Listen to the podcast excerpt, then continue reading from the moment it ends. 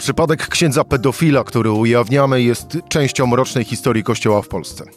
Eugeniusz Surgent przez kilkadziesiąt lat molestował chłopców w parafiach od Małopolski po zachodniopomorskie.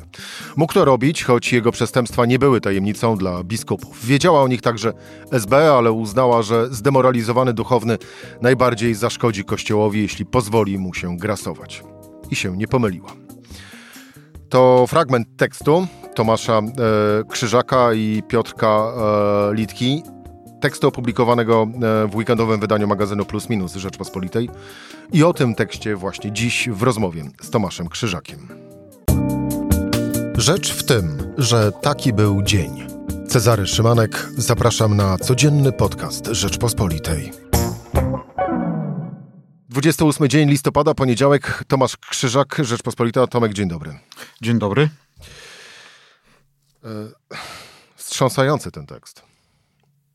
Mm, to mało powiedziane, że wstrząsający, tak, to prawda. E, przyznam szczerze, że nie było łatwo e, go napisać, nie było łatwo przebrnąć przez mm, zeznania. Zeznania chłopców e, składane tak na dobrą sprawę no, 50 lat temu, ale poruszające, zwłaszcza, że też część z tych mm, osób, z tych ofiar tego tego drapieżcy seksualnego, bo ja się nie boję użyć tego słowa, wciąż żyje. Mm, no porażające generalnie to, że mm, zarówno po stronie kościelnej, jak i po stronie ówczesnego państwa komunistycznej służby bezpieczeństwa no, nastąpiło pewnego rodzaju, jakby to delikatnie ująć, zaćmienie umysłu a, i, i pomimo posiadanej pewnej wiedzy e, temu księdzu pozwalano dalej pracować. I, Tomek, i to dalej za chwilę opiszemy całą historię, spróbujemy przynajmniej w skrócie. E, ale jeszcze jedna rzecz a propos samego, samego tekstu. Mm, on nie zawiera, prawda, bo ujawniając też trochę nasze rozmowy e, w trakcie powstawania tego materiału, ale ten materiał nie zawiera tych najdrastyczniejszych opisów, które, y, które z kolei wy jako autorzy widzieliście i czytaliście? Nie zawiera, to znaczy myśmy uznali po prostu, że mm, dla wrażliwości czytelnika będzie to mm, zbyt y, drastyczne. Ograniczyliśmy się tylko i wyłącznie do przytoczenia mm, dwóch relacji, zwłaszcza, że te relacje też są mniej więcej takie same, tak? To znaczy ten ksiądz tym chłopcom właściwie robił e, cały czas to samo, to znaczy wsadzał im ręce do majtek, e, bądź kazał im wsadzać swoje ręce do jego majtek. Mm, I, i, i tutaj... Ale na tym się też nie kończyło. I na tym się nie kończyło, no ale tutaj my generalnie urywamy, no, bo każdy inteligentny człowiek domyśli się, co tam się dalej działo. Mm, porażające było generalnie w tej historii mm, to, że że często to się odbywało tak, że sytuacji, w której chłopcy przychodzili do księdza, nie wiem, parami czy w grupach, on sobie jednego wyciągał gdzieś do jakiegoś odrębnego pokoju i tam sobie z nim robił to, co, mm, to, co chciał. Porażające jest, y, to mm, wybiegnę do przodu, bardzo cię przepraszam, ale porażające jest generalnie to, że nawet w sytuacji, w której mm, władze ówczesnego państwa, wymiar sprawiedliwości wsadziły go do więzienia i on odsiedział tam kawałek swojego wyroku, a kilka lat później, wiedząc o tym, że on się dopuszczał takich, a nie innych rzeczy i mając wiedzę o tym, że robi to w kolejnym miejscu, no tak jak przytoczyłeś fragment na początku, Mm, uznano, że ten zdemoralizowany duchowny najbardziej zaszkodzi Kościołowi, więc y, zrobiono z niego tajnego współpracownika. I jeszcze gdyby on donosił służbie bezpieczeństwa o jakichś naprawdę istotnych sprawach dotyczących y, życia mm, Kościoła w danym terenie, gdzie pracował, no to jeszcze można byłoby przyjąć, że ta walka i to było, że to było warte poświęcenia, prawda, e, jakichś niewinnych dzieci e, dla, mm, dla, tej, dla tej działalności. Ale te informacje, które on tak na dobrą sprawę przynosił, to były nic nie warte informacje. E, więc dlaczego nie podjęto takich decyzji wtedy po stronie państwa, nie jestem w stanie tego zrozumieć. Tomek, ksiądz Eugeniusz Surgent. Wiemy dokładnie, ile osób skrzywdził? Możemy tylko szacować? Nie jesteśmy w stanie tego powiedzieć, dlatego że. Mm, informacje o tym, że na pewno skrzywdził i to z jakąś taką stuprocentową pewnością, mamy tak na dobrą sprawę z jednego miejsca. To znaczy mamy z miejscowości mm, Kiczora mm, koło Żywca gdzie został skazany, znaczy przyznał się w śledztwie do wykorzystania 12 chłopców, ale został skazany za wykorzystanie sześciu, ponieważ ta szóstka w momencie dokonania przez niego tych czynów miała poniżej 15 roku życia. Mm, ale jeśli weźmiemy pod uwagę to, że mamy informacje również mm, pochodzącą z Krakowa, z wcześniejszej jego parafii, że tam również w stosunku przynajmniej do jednej osoby dochodziło do wykorzystania seksualnego. Na etapie pisania tego tekstu dostaliśmy informację mm, od y, pewnego mężczyzny, który twierdzi, że mm, bliska mu osoba została pokrzywdzona jeszcze w jednej e, placówce, w której on wcześniej pracował, czyli w Wieliczce. Mm, a on sam w śledztwie, no może nie tyle w śledztwie, co w więzieniu przed współwięźniem, przyznał się do tego, że do takich czynów dochodziło również we wszystkich innych parafiach, w których pracował wcześniej, e, no to ta grupa e, może nam się rozrosnąć w tej chwili z 12, 13 czy 14, które wymieniłem, do co najmniej 20-25, tak? Albo i więcej? To jest okres krakowski. Natomiast jeśli pójdziemy dalej i e, zajrzymy w dokumenty Służby Bezpieczeństwa mm, z już lat 80., e, to w jednym z tych dokumentów e, jeden z funkcjonariuszy pisał, podawał nazwiska e, siedmiu osób, które mogły zostać przez tego księdza pokrzywdzone, więc robi nam się grupa co najmniej 30 osób. A jeszcze muszę mm, powiedzieć o tym, że zanim ksiądz został proboszczem w Lubnie, co było w roku 85 w diecezji koszalińsko-kołobrzeskiej, to przeszedł w tej diecezji przez, przez trzy parafie. E, więc nie wiemy, co tam się działo w tych trzech parafiach. Czy tam również dochodziło do tego typu sytuacji. Wszystko wskazuje na to, że tak, e, ponieważ w pewnym momencie w roku 88 mm, następuje włamanie na plebanii w Lubnie i sprawcy zostają złapani na gorącym uczynku. To są wtedy mężczyźni mający po lat 22, ale służba bezpieczeństwa ustaliła, że to są osoby, które utrzymywały kontakty seksualne z księdzem podczas, w czasie, kiedy on pracował w innej parafii, w parafii w Człuchowie 10 lat wcześniej. Więc jeśli weźmiemy pod uwagę, że ci mężczyźni mieli wtedy lat 22, odejmiemy im 10 lat, to mieli 12, tak? E, więc y, nie jesteśmy w stanie tego oszacować. Kilkadziesiąt osób się z tego robi. Ja myślę, że, że, że, że tak. Znaczy, dlatego użyłem tego sformułowania i ja się tego sformułowania nie boję, e, że mamy po prostu do czynienia z drapieżcą seksualnym. Mieliśmy do czynienia z drapieżcą seksualnym. Który grasował w takim razie, bo to zwykle się używa również takiego sformułowania przy tych dwóch słowach, które ty, ty wymieniłeś. I też nazwijmy rzecz po imieniu. Drapieżca seksualny, ksiądz Eugeniusz Surgent, który grasował w ilu parafiach w sumie? E, to teraz mnie zaskoczyłeś? Teraz, tak, oczywiście, ja to policzyłem, tylko teraz mnie zaskoczyłeś, bo tak, jeśli chodzi o archidiecezję krakowską, to było tych parafii mm, siedem, a po archidiecezji krakowskiej mamy trzy w diecezji, cztery w diecezji 11. E, e, koszalińsko-kołobrzeskiej i dwie w obecnej diecezji pelczyńskiej, 13, 13, około 13 parafii. To teraz wytłumacz mi w takim razie, Tomek, jak to było możliwe, że ksiądz Eugeniusz Surgent mógł to wszystkie obrzydliwe, krzywdzące rzeczy robić w tylu, czyli w 13 parafiach. No to jest trudne do zrozumienia także dla mnie, to znaczy ja próbuję to w, jakikolwiek, w jakiśkolwiek sposób zrozumieć, ale nie, nie mam na to specjalnego wytłumaczenia. To znaczy wiemy na podstawie tych dokumentów, które widzieliśmy, że mm, jakby władze kościelne dowiedziały się na pewno gdzieś pod koniec lat 60., 69 roku, że taka sytuacja ma miejsce. Mm, dowiedziały się od matki jednego z chłopców e, i tak sobie podejrzewam, że miały takie wrażenie, czy przeczucie, nie wiem, e, czy, czy ufność, że to jest tylko i wyłącznie jedna, jedna ofiara. E, sprawa nie była wtedy specjalnie rozgłoszona przez nikogo. Nie mówiło się o tym ani w środowisku parafialnym, w którym on pracował, ani w środowisku wiernych. W związku z tym yy, ograniczono się wyłącznie do udzielenia księdzu nagany, no i przeniesiono go do innej parafii.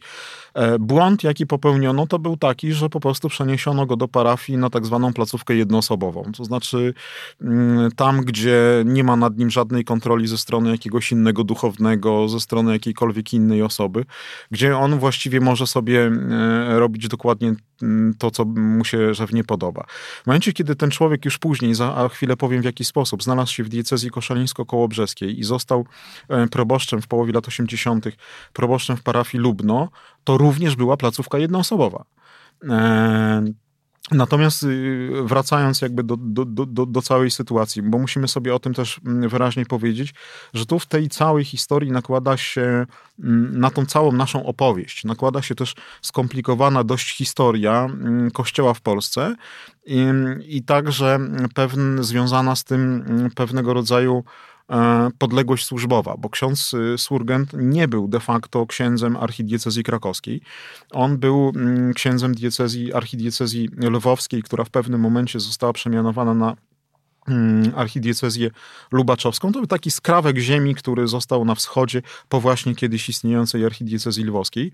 Mm, natomiast ci księża z archidiecezji lwowskiej, oni się E, po II wojnie światowej ci, którzy byli wyświęconi przed wojną, rozjechali po Polsce, głównie na tereny tak zwanych ziem odzyskanych, mm, a ci, którzy już w Polsce po II wojnie światowej, będąc przypisani do tej diecezji, kończyli seminarium, kończyli seminarium w Krakowie i zazwyczaj zostawali pracować w tej diecezji, natomiast mieli podległość służbową arcybiskupowi Lubaczowskiemu.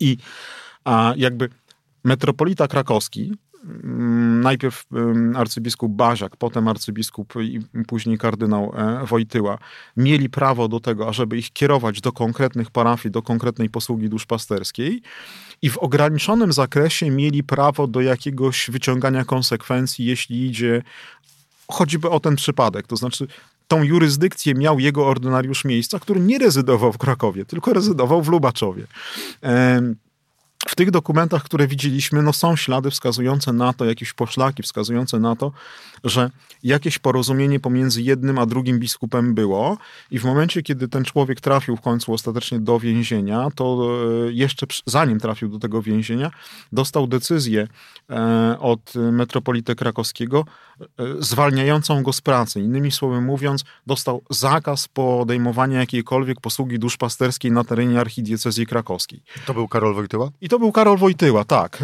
Natomiast tego człowieka później odnajdujemy w 78 roku, kiedy on już jest y, pracujący y, w diecezji koszalińsko-kołobrzeskiej. Y, I nasze mm, jakby śledztwo idzie w tym kierunku i nasze ustalenia idą w tym kierunku, że skoro ten człowiek w 73 roku już został wydalony z diecezji krakowskiej, to decyzja o tym, że on idzie do koszali na koło brzegu jednak zapadła poza plecami Wojtyły i to była decyzja arcybiskupa Lubaczowskiego, i biskupa diecezji koszalińsko-kołobrzeskiej, który go przyjmował. Mm, kluczowa mm, w tym wypadku jest odpowiedź na pytanie, e, czy biskup koszalińsko-kołobrzeski wiedział, kogo przyjmuje. Wiedział? E, tego nie wiemy. Bez tego, bez, bez zajrzenia w dokumenty kościelne nie jesteśmy w stanie tego stwierdzić, aczkolwiek oczywiście zadaliśmy pytanie mm, diecezji koszalińsko-kołobrzeskiej, e, czy taka wiedza była, czy takiej wiedzy nie było. Dostaliśmy informację, że e, w papierach, które są w diecezji koszalińsko-kołobrzeskiej nie ma informacji o tym, żeby on był skazany e, prawomocnym wyrokiem w 1973 roku. Podobnie... Kto był odpowiedzialny za przekazanie takiej informacji? E, wtedy, e, to znaczy powinien taką informację przekazać arcybiskup Lubaczowski. I tu znowu mamy problem, bo mamy problem z pewnego rodzaju mm, jakby będziemy mieć problem z próbą dojścia do tego, jak rzeczywiście faktycznie było. Dlatego, że tak, tak jak wspomniałem, arcybi, archidiecezja lubaczowska była taką mm, była taką namiastką kiedyś istniejącej archidiecezji lwowskiej. Po reformie administracyjnej struktur Kościoła Rzymskokatolickiego w Polsce, która nastąpiła w roku 92, powstała diecezja zamojsko-lubaczowska, więc wydawałoby się, że spadkobierczynią archidiecezji lubaczowskiej będzie diecezja zamojsko-lubaczowska. Ale nie jest wykluczone, że w momencie, kiedy w 91 roku zostały odnowione struktury Kościoła rzymskokatolickiego w obecnej dzisiejszej Ukrainie i została odtworzona archidiecezja lwowska, to te materiały dotyczące księży archidiecezji lwowskiej pojechały do Lwowa i może trzeba ich szukać tam. Tu nie wiem. E, jestem trochę, mm, trochę zagubiony. W każdym razie mm, w 1982 roku, jeszcze wcześniej, ksiądz został formalnie przyjęty w struktury diecezji koszalińsko-kołobrzeskiej, a 10 lat później znalazł się w strukturze innej diecezji e, i znowu splot okoliczności, w których on się e, znajduje w tej diecezji pelplińskiej, wskazuje na to, że jednak w tej koszalińsko-kołobrzeskiej coś o nim wiedziano. E, że to nie było do końca tak, że że te materiały, że tych materiałów nie było. Oczywiście my się dzisiaj, dys, dzisiaj dysponujemy wiedzą z roku 2022. E, I dziś e, ja jestem w stanie uwierzyć, mm, znając te uwarunkowania historyczne, mm, wyjaśnienie diecezji koszalińsko-kołobrzeskiej, że rzeczywiście tych materiałów tam nie ma. E, ponieważ znowu tu wchodzi w grę historia. Yy, wiemy doskonale i widzimy to także w tym tekście, że władza komunistyczna prowadziła bardzo yy, mocną, zaciętą walkę z Kościołem rzymskokatolickim. Jeżeli były jakiekolwiek sprawy obyczajowe dotyczące chociażby, nie wiem, podejrzenia tego, że ksiądz ma kochankę, nie mówimy już tutaj o kwestiach z wykorzystywaniem małoletnich, to ta wiedza w kurii była, natomiast nie sporządzało się z tego e, jakiejś specjalnie oficjalnej notatki, nie umieszczało się tego e, w księdze, e, w, w teczce personalnej danego duchownego. To była wiedza, która w kurii istniała, ale ona była mm, jakby podawana z ust do ust, to znaczy wiedział biskup, wiedział powiedzmy kanclerz kurii i ktoś być może jeszcze, tak? Po co, po to, żeby nie wystawiać danego księdza SB? Tak, tak, bo... Ale wiesz, że ja mam wrażenie, że SB zniknęła, ale tak naprawdę Kościół zachowuje się dalej w podobny sposób, właściwie hierarchowie. To znaczy SB rzeczywiście zniknęła, natomiast Kościół ma to nie raz i nie dwa o tym pisałem i nie raz i nie dwa o tym rozmawialiśmy tutaj. Kościół dzisiaj ma lęk ogromny, moim zdaniem irracjonalny lęk przed wyświetleniem tej trudnej przeszłości. Myśmy to obserwowali parę lat temu przy okazji tak zwanej ilustracji, prawda? Kiedy niby podjęto jakąś decyzję, że zlustrujemy wszystko, prawda, i tak dalej. Gdyby wtedy dokonano naprawdę rzetelnego przeglądu tych materiałów, no to wyszłyby tego typu kwiatki. Bo to wszystko w Instytucie Pamięci Narodowej leży. Do, do tego można zajrzeć, do tego mogą zajrzeć historycy, do tego mogą zajrzeć dziennikarze. I te sprawy będą dzisiaj wychodziły. Dlatego e, jeszcze raz podkreślę, co już kiedyś też podkreślałem. Kościół w ostatnich latach w kwestii profilaktyki i prewencji zrobił naprawdę dużo. Natomiast jeśli nie rozliczy się z tej bolesnej przeszłości, no to cały czas będzie się kręcił, będziemy się kręcili wokół tego tematu. Na nic tak naprawdę pozostałe, pozostałe wysiłki. Tak, Można trzeba... by było powiedzieć, że należy zacząć od rachunku sumienia. Tak jest, dokładnie tak to trzeba zrobić. To znaczy trzeba zrobić tak, jak to zrobiły kościoły w innych krajach, mianowicie nie wiem, chociażby w Stanach Zjednoczonych, w Australii, w Irlandii, y, ostatnio w Niemczech czy we Francji, e, gdzie po prostu przygotowano raporty, y, zrobiono naprawdę rzetelne badania archiwalne, rzetelne badania socjologiczne. E, nakreślono mniej więcej, jaka była skala tego problemu. I oni są dzisiaj w zupełnie innym miejscu, aniżeli my jesteśmy. Tomek, i tu postawmy kropkę, jeżeli e, mówimy o tym, co należałoby e, zrobić, albo właściwie co Kościół katolicki w Polsce powinien e, zrobić. Faktycznie nieraz o tym mówiliśmy, nieraz o tym, o tym pisałeś. Wróćmy do całej historii księdza Eugeniusza Surgenta, bo przewija się, już raz padło w naszej rozmowie nazwisko Karola Wojtyły. Wiedział?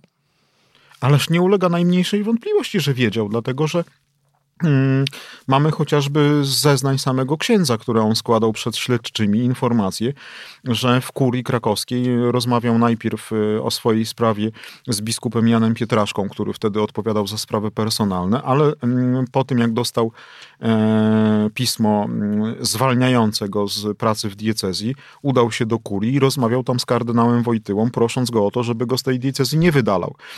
No. Więc mamy tutaj informację i odpowiedź na Twoje pytanie. Tak, oczywiście wiedział. Dobrze. To skoro wiedział, to rola kardynała Wojtyły w tej sprawie o, biała czy czarna? Ja bym powiedział, że biała. E, akurat w tej konkretnej sprawie biała, dlatego że, tak jak wspomniałem na początku, działał w zakresie swoich, swojej jurysdykcji. Miał u siebie księdza, który był tak na dobrą sprawę księdzem z innej archidiecezji. On zrobił, co miał zrobić, to znaczy zwolnił tego księdza, zakazał mu podejmowania... Z literą ówczesnego, ówczesnego prawa, prawa tak. kościelnego. Zwolnił go z pracy, ale mógł zrobić diecezji. E, wydaje mi się, że nie. To znaczy, Wydaje mi się, że, że odpowiadając na twoje pytanie... Wiesz, to jest takie im, czysto ludzkie Ja wiem, pytanie, tak, prawda? ale i mógł i nie mógł, e, dlatego, że tak, mógł z jednej strony e, za informacją, którą zapewne wysłał do Lubaczowa, dlaczego zwalnia tego księdza w swojej diecezji, próbować naciskać na ówczesnego ordynariusza, żeby tego księdza przykładnie e, ukarać mógł to robić. Problem jest generalnie taki, że ten ksiądz, tak jak ja to nazwałem sobie mm, i umieściłem to, umieściliśmy z Piotrem mm, to w tym tekście, że ksiądz w pewnym momencie wpadł w tak zwaną decyzyjną próżnię, bo akurat w tym momencie, w którym się rozgrywa cała sytuacja, arcybiskup Lubaczowski umiera.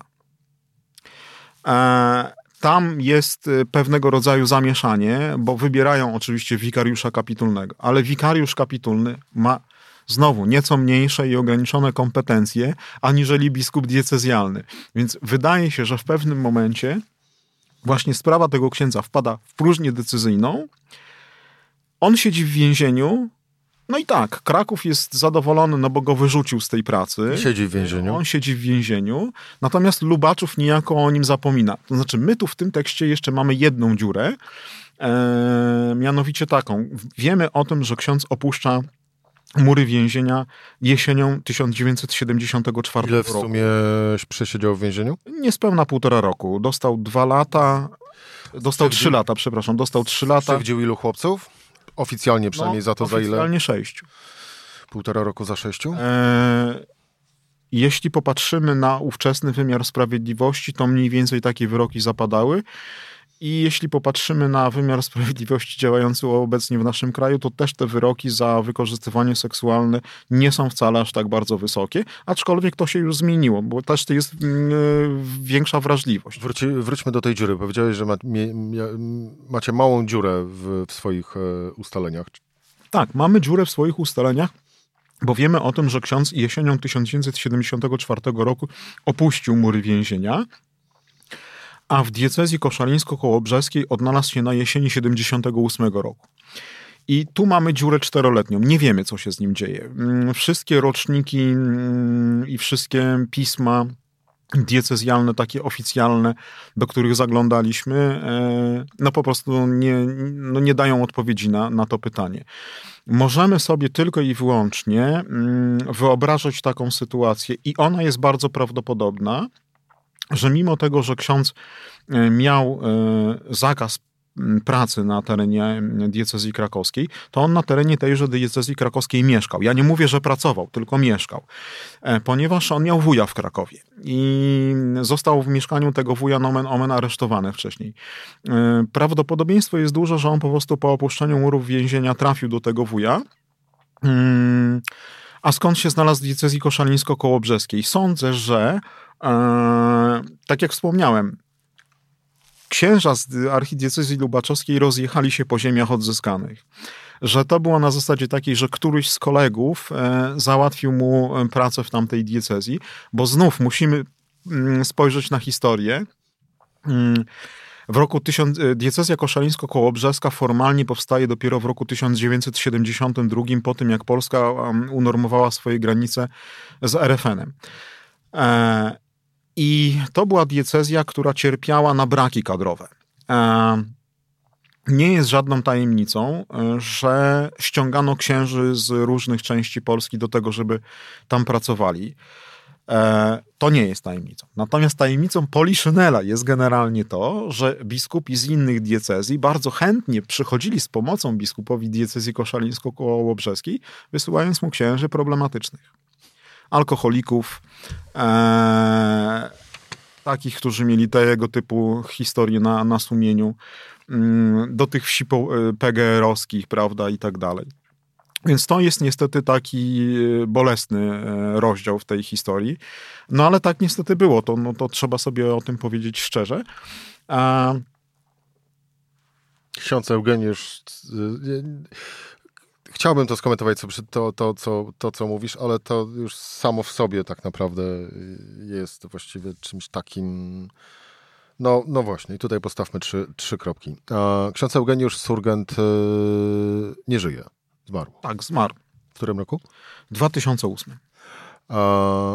Co nie zmienia faktu, że żyją jego ofiary i osoby, które, y, które skrzywdził. Myślisz, że teraz e, poznamy więcej osób i będziemy mogli y, bardziej dokładnie określić skalę skalę przewinień i, i, i krzywd, które dokonał ksiądz Eugeniusz Surgent? No jeśli te osoby, że tak powiem, e, zechcą się ujawnić przed chociażby instytucją kościoła, mm, no to byłoby bardzo dobrze, tak? Bo, bo... Bardzo dobrze, ale to na, co, na co mogą liczyć te osoby w takim razie?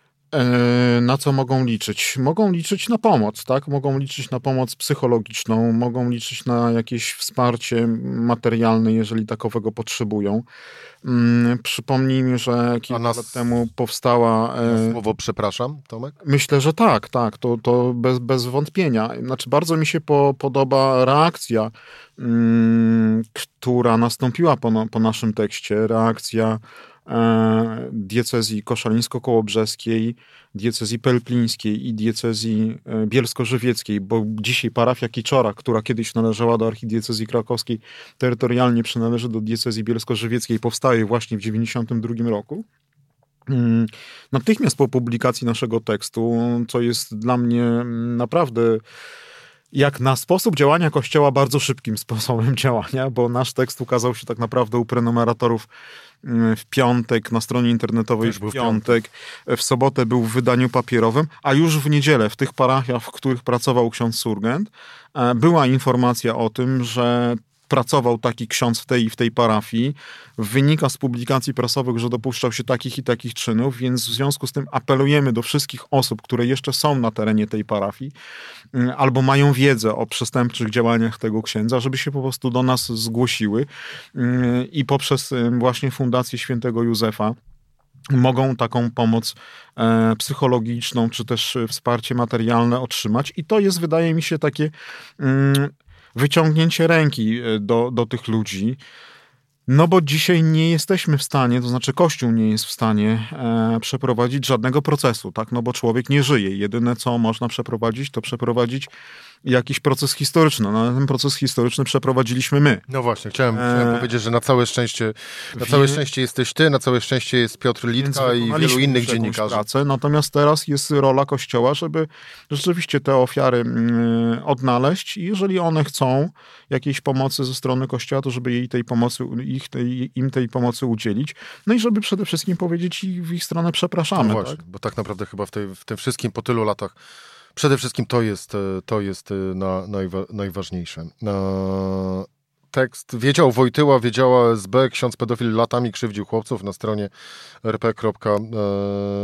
Autorami Tomasz Krzyżak i Piotr Litka. Uchylę rąbka tajemnicy to tak naprawdę początek opowieści. Tak, e, dlatego, że, więcej nie mów. że mamy jeszcze kilka innych przypadków, które byśmy chcieli opisać. Mm, powiem tak, no może nieskromnie, no, to o czym mówiliśmy. Kościół do tej pory nie wziął się za pokazanie systemowego mechanizmu krycia sprawców, natomiast na bazie tych materiałów i przypadków, które my widzieliśmy, jesteśmy w stanie opisać i pokazać, jak to, jak to wyglądało w systemowo. poszczególnych e, sytuacjach systemowo, tak. Systemowo. Tomasz Krzyżak, dziękuję Ci bardzo za rozmowę. Dziękuję. To była Rzecz w tym w poniedziałek. Cezary Szymanek, do usłyszenia jutro o tej samej porze.